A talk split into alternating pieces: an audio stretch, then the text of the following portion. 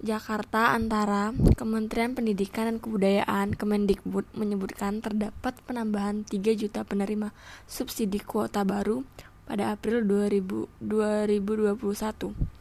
Pada Maret, kami sudah menyalurkan bantuan kuota internet pada 27 juta penerima.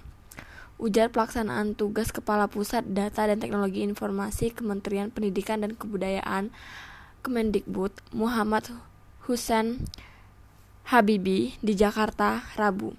Hasil pendataan ulang yang dilakukan Kemendikbud ada penambahan sebanyak 3 juta penerima kuota baru, yang mana akan mendapatkan bantuan kuota pada April. Jadi, total sekitar 30 juta bantuan kuota internet yang akan disalurkan pada April ini, kata dia.